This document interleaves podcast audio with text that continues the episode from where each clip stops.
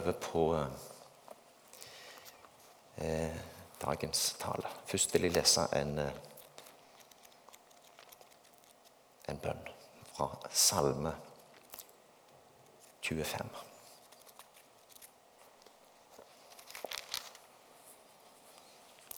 Herre, vis meg dine veier, og lær meg dine stier.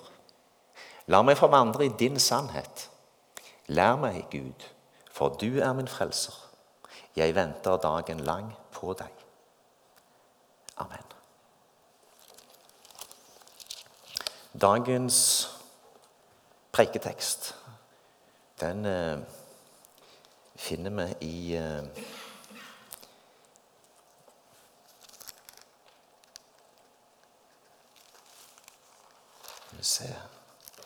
I Johannesevangeliet, kapittel 9, versene 39 41.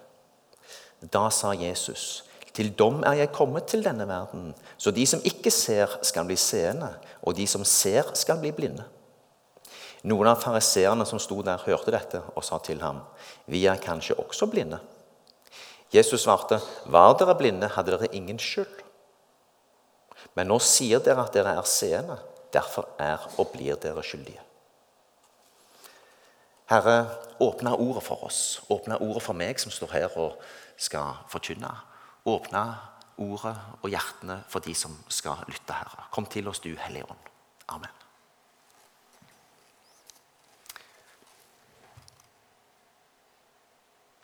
Det er domssøndag.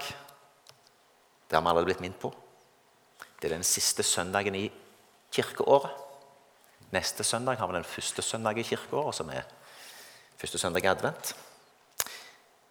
Det er naturlig at denne søndagen da heter en domssøndag. Historien går ikke i sirkel. Det er ting som kan gjenta seg. Men Gud, som har skapt himmel og jord, som har satt tida i gang, han har ført historien fram til denne dag, og han fører historien også videre. Til den siste dag, til dommens dag. Det er det domssøndag minner oss om. Til dom er jeg kommet til denne verden, sier Jesus.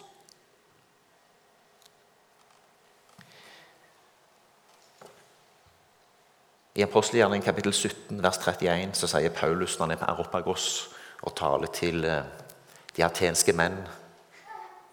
Han snakker om Gud som har skapt. Og så sier han videre for han har fastsatt en dag da han skal dømme verden med rettferdighet. Det lar han de få vite ganske fort. Og har til dette bestemt en mann. Det har han gjort troverdig for alle ved å oppreise ham fra de døde. Til dom er jeg kommet til denne verden. Det er Jesus som er dommeren.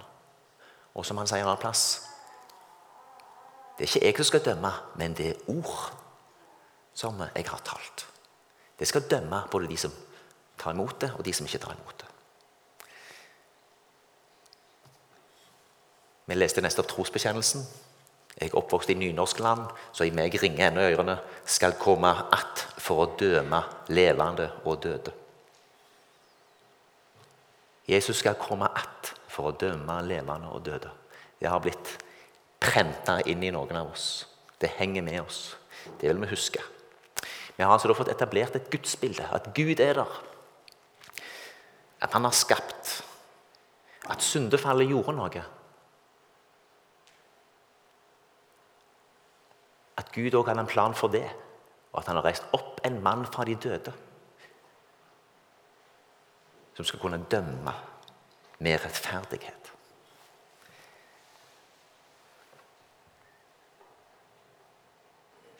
Det er bakgrunnen for domssøndagen.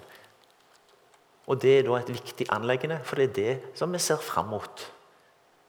Vi lever her på jorda. Vi vandrer i tro. Vi lever med Gud i tiden. Vi hviler i nåden. Vi ledes ved Ånden. Vi er i fellesskap med hverandre. Og vi vandrer framover. Og så vet vi at der framme er det et endelig håp. Et evig liv. Men det er en dom. Og Paulus har sagt det, hedningene allerede, til atenerne. Det skal bli en rettferdig dom. Gud skal dømme med rettferdighet. Det er godt å vite. Det blir ikke en urettferdig dom. Det blir en rettferdig dom. Gud har orden på dette. Vi kan hvile i det. Jeg husker jeg spurte min far da jeg var yngre. Jeg syntes det virket litt sånn urettferdig med, med, dom og disse tingene. Altså bare Gud er rettferdig. Det kan vi hvile i. Gud er en rettferdig Gud. Det er ikke alt vi har svar på. Det er ikke alt vi vet hvordan det ser ut. Men Gud er rettferdig. Han skal dømme verden med rettferdighet.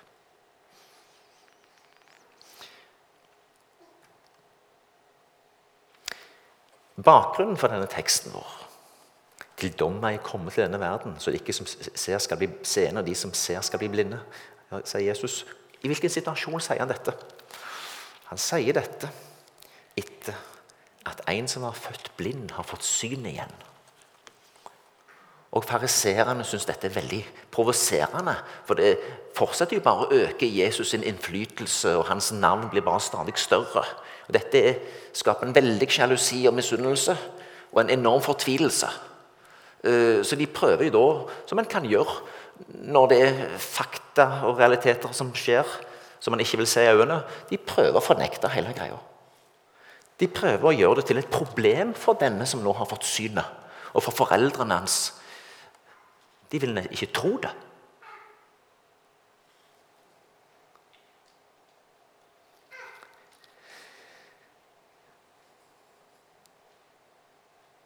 Og de begynner egentlig å herse med han som har blitt seende. Han kommer jo med noen fantastiske Denne mannen, som altså ikke da var en skriftlærd som de, han forteller nå fariserene det er merkelig at dere ikke vet hvor han er fra, enda han har åpnet øynene mine. Vi vet at Gud ikke hører på syndere, men bare på den som er gudfryktig og gjør hans vilje. Så lenge verden har bestått, er det uhørt at noen har åpnet øynene på en blindfødt. Var ikke denne mannen fra Gud, kunne han ingenting gjøre. Det er profetisk tale fra en mann som ikke hadde lang teologisk utdannelse, som nå belærer teologene. Var ikke denne mannen fra Gud, kunne han ingenting gjøre. Og Dette er et fantastisk budskap til oss òg i dag. Var ikke Jesus fra Gud, så kunne han ikke gjort noen ting for oss. Men han var Guds sønn, og han har gjort store ting for oss. Ikke bare har han gjort store ting for oss én gang, han har sendt oss sin ånd, som lever i den enkelte troende, som gjør at Gud kan gjøre store ting i våre liv òg i dag. Og det må vi ha tillit til. Men fariseerne de vil ennå ikke høre på dette sterke budskap. Du er født som en synder tvers igjennom, og du vil belære oss, sa de. Så kastet de ham ut. De ville ikke se, og det er her Jesus kommer inn. Til dom er jeg kommet til denne verden, så de som ikke ser, skal bli seende, og de som ser, skal bli blinde. Hva er det å bli en seende? La oss ta tak i det først. Jesus snakket til fariseerne og sa at de var blinde. Men det var en blant fariseerne som hadde en annen holdning. En som var både fariseer og rådsherre og en mektig mann. Han het Nikodemus.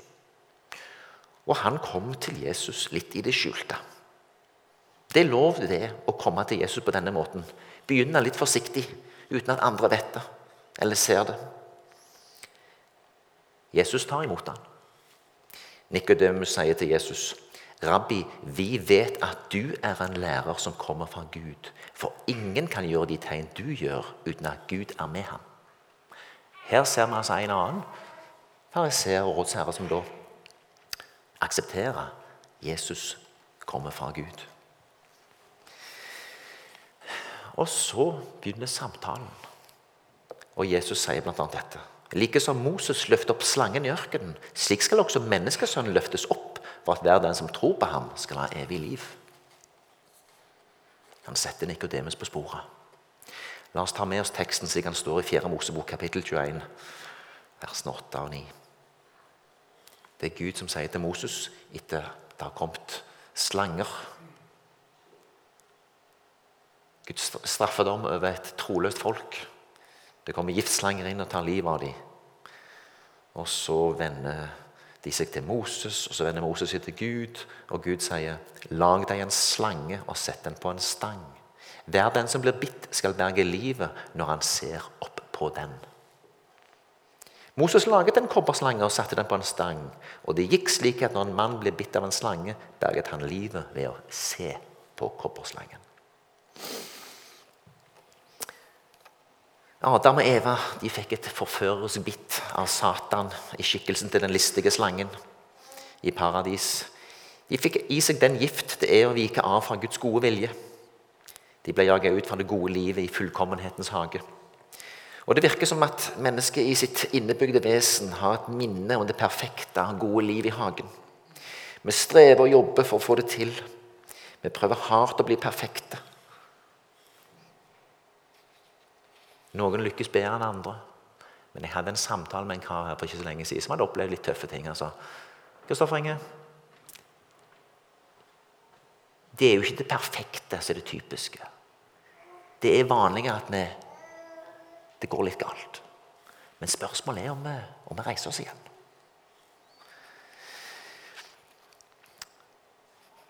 Han var ikke en eh, troende, men han eh, tok fram noe som var litt viktig likevel. Det er ikke naturlig å være perfekt. Men spørsmålet er jo kan vi bli reist opp igjen? Dagens tekst sier at både det å prøve og det å erfare at du lykkes på e- egen hånd, det er å være blind. Fariseerne hadde jo um, sitt skjema der de mente de hadde fått det til. Bud, lover og forskrifter fulgte de. De hadde laget seg et system, og de la tunge byrder på seg selv og andre. og var helt opptatt av å se fine ut overfor andre mennesker.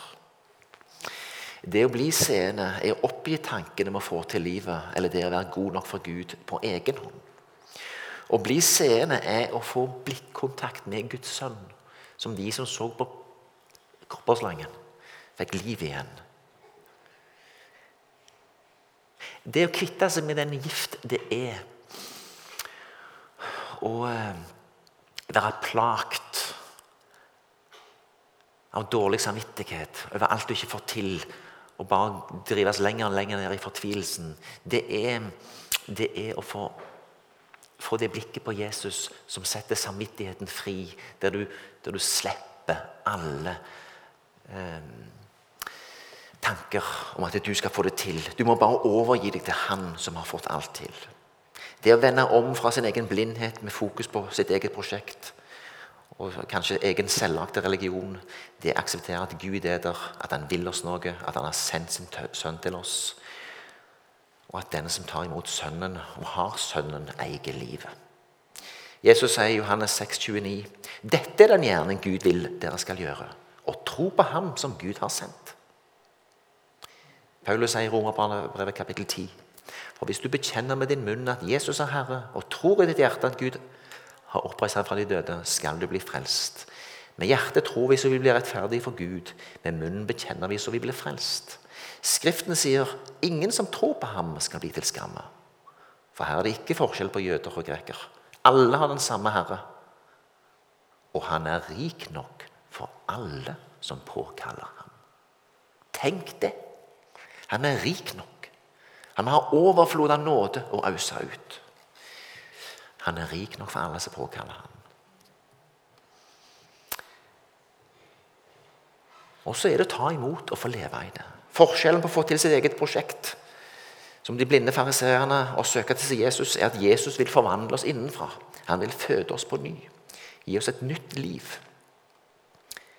Paulus sier i Kolosserbrevet 2, kapittel 6, eh, versene 6 og 7 dere har tatt imot Kristus Jesus som Herre, så må dere også leve i ham. Være rotfestet i ham og bygd på ham. Stå fast i troen etter det dere har lært, rike på takk til Gud.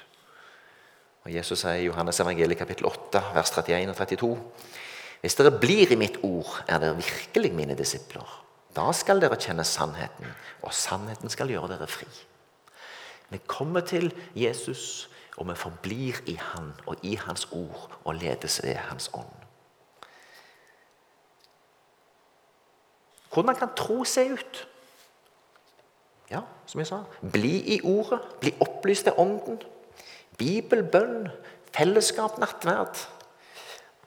praksiser, fellesskapspraksiser, som den praksis det å komme her i dag. Det er en god ting. Det kan være bønnepraksiser. Nå har jeg fått tak i en fin bok av Edin Løvaas om eh, 365 små andakter hver dag. Der han tar et lite bibelord, og så sier han Først sier han 'se', og så sier han 'be', og så sier han 'tilbe'. I denne teksten her har han også et lite vers på. Så sier han, Se for deg Jesus der han snakker med fariseerne om dette med å være blind eller seende. Og så sier han videre Be om åndelig klarsyn. Be om åndelig klarsyn. Jeg har ikke boka med meg, så nå husker jeg ikke helt hva, hva det, hvor tilbedelsen gikk. Men den òg er viktig. Å tilbe Han som eh, er verdens lys.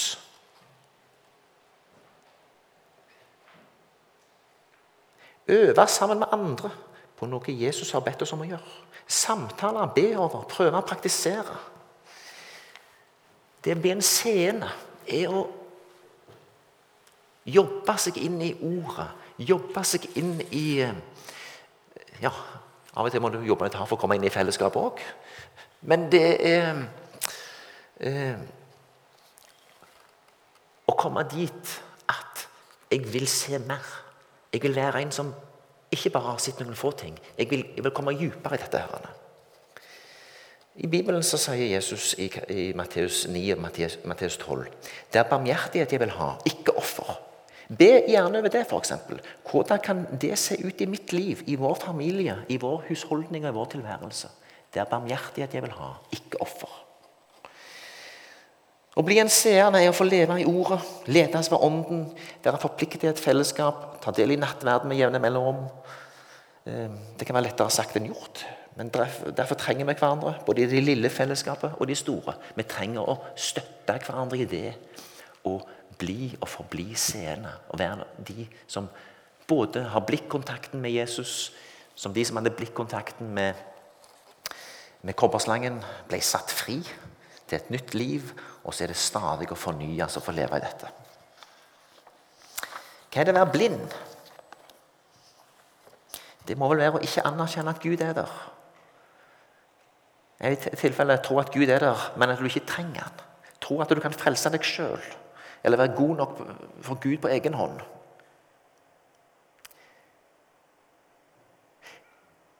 Det er en sorg at så mange ser ut til å forbli i den forførte, i blindheten. At de ikke kommer i kontakt med den levende Gud. Misjon er starta pga. denne nøden for at flere må bli seende. Flere må få del i dette. Her. Flere må få erfare dette som vi har sett. Jeg er takknemlig for at Salem er en misjonsforsamling. Jeg er takknemlig for julemessa som var i går, der vi samler inn penger til utsendinger for at stadig flere skal kunne få se. Det finnes mye blindhet. Denne verden ligger i mørket. Men vi har fått Jesus som er verdens lys, og vi har fått lyset i våre hjerter. Og vi har fått det for vi skal dele det og spre det videre ut.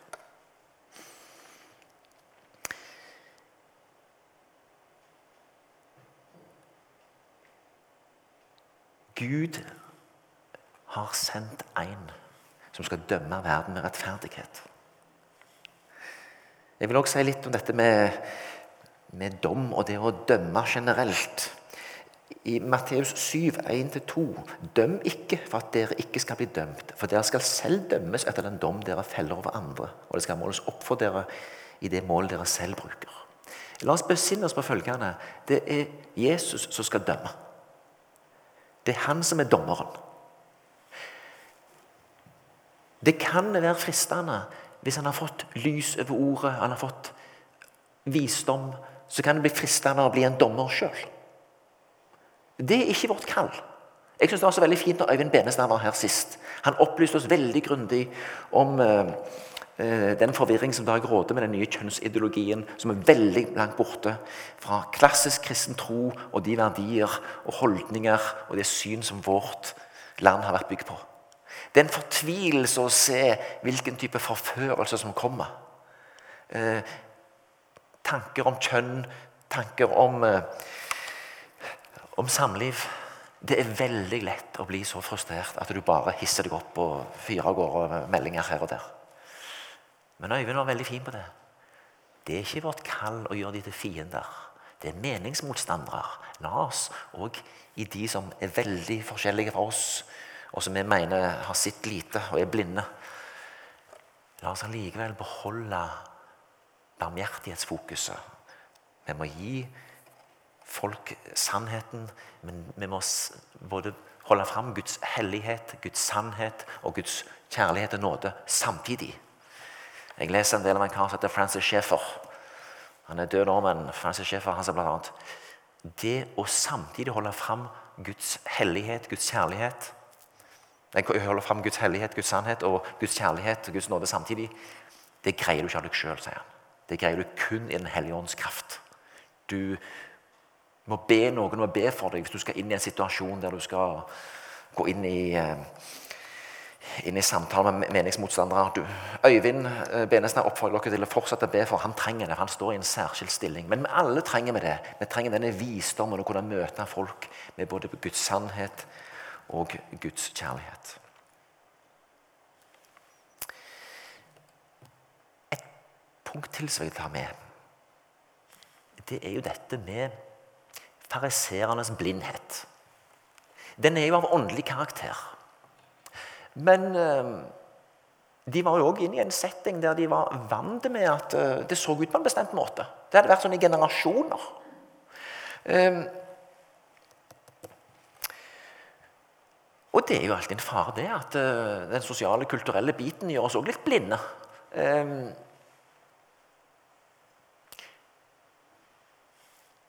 Har du kommet inn i et nytt fellesskap noen gang og prøvd å forstå hvordan det fungerer her? Hva er de opptatt av? Hvordan en forholder seg til hverandre? Hvordan forholder man seg ikke til hverandre? Arbeidsfellesskap, fritidsaktivitet, menighet, familie. Um, om man er gift eller ikke, så har mange av oss hørt historier kanskje fra våre egne foreldre, hvordan det var å komme inn i den nye familien som ble en svigerfamilie. Det trenger ikke være din egen historie. Det kan være en historie som du altså har hørt fra andre. Det var ikke bare bare å komme inn i den familien.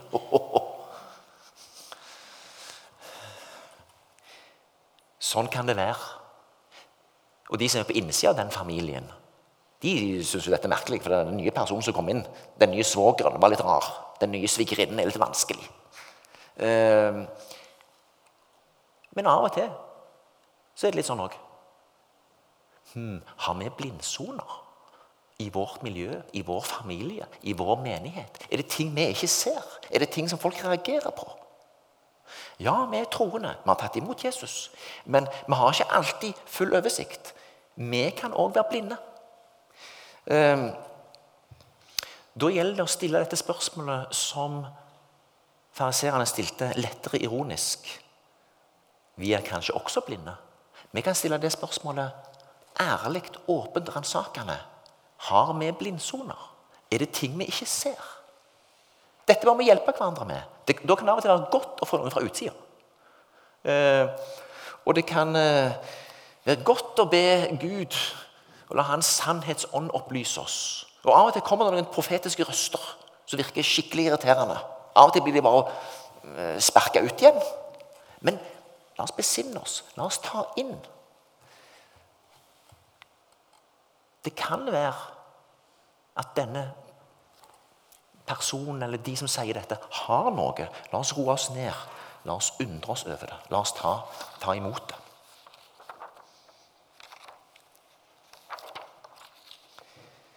Til slutt eh, Det er jo ikke sånn at eh, du en gang for alle har fått lyset. Det gjelder å leve i lyset, forbli i det, og ikke Hva skal jeg si eh, falle bakpå. Romerbrevet kapittel 12. La dere ikke lenger prege den nåværende verden, men la dere forvandle med at sinnet fornyes. Så dere kan dømme om hva som er Guds vilje, det gode, det som er til hans behag, det fullkomne. Her har vi igjen en, en tangering til det å dømme, men nå er det mer å bedømme. Og Gud vil gi oss dømmekraft i de ulike spørsmål. Og Paulus ber eh, om at de må bli sånne som kan dømme eh, eh det som er rett og galt. I Filippabrevet kapittel 1 så sier Paulus og dette er min bønn, at deres kjærlighet må bli mer og mer rik på innsikt og dømmekraft, slik at dere i de forskjellige spørsmål kan dømme om hva som er rett.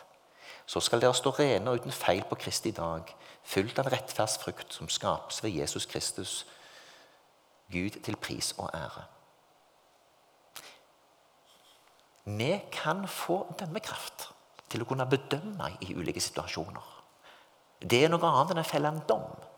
Men det er å forbli seende. At Gud ved sin Hellige Ånd, ved sannhetens ånd, stadig får opplyse oss, gjøre oss rikere og rikere på innsikt, gi oss framgang og glede i troen. Og eh, i det hele tatt La oss få leve et liv der vi vandrer sammen med Han, og der ting blir bare klarere og klarere. Slik at vi til slutt bare gleder oss over å få lov til å være med på alt Gud gjør i vårt liv. Og bare glede oss enda mer til den store dagen, til den rettferdige dommen, der, der Gud skal bli alt i alle. Til slutt 2. Tessalonikerbrev kapittel 3, versene 3-5. Men Herren er trofast. Han skal styrke dere og bevare dere fra det onde. Og i Herren stoler vi på at, det, stoler vi på at dere gjør, og fortsatt vil gjøre, det vi pålegger dere. Må Herren lede deres hjerte fram til Guds kjærlighet og Kristi tålmod. Amen.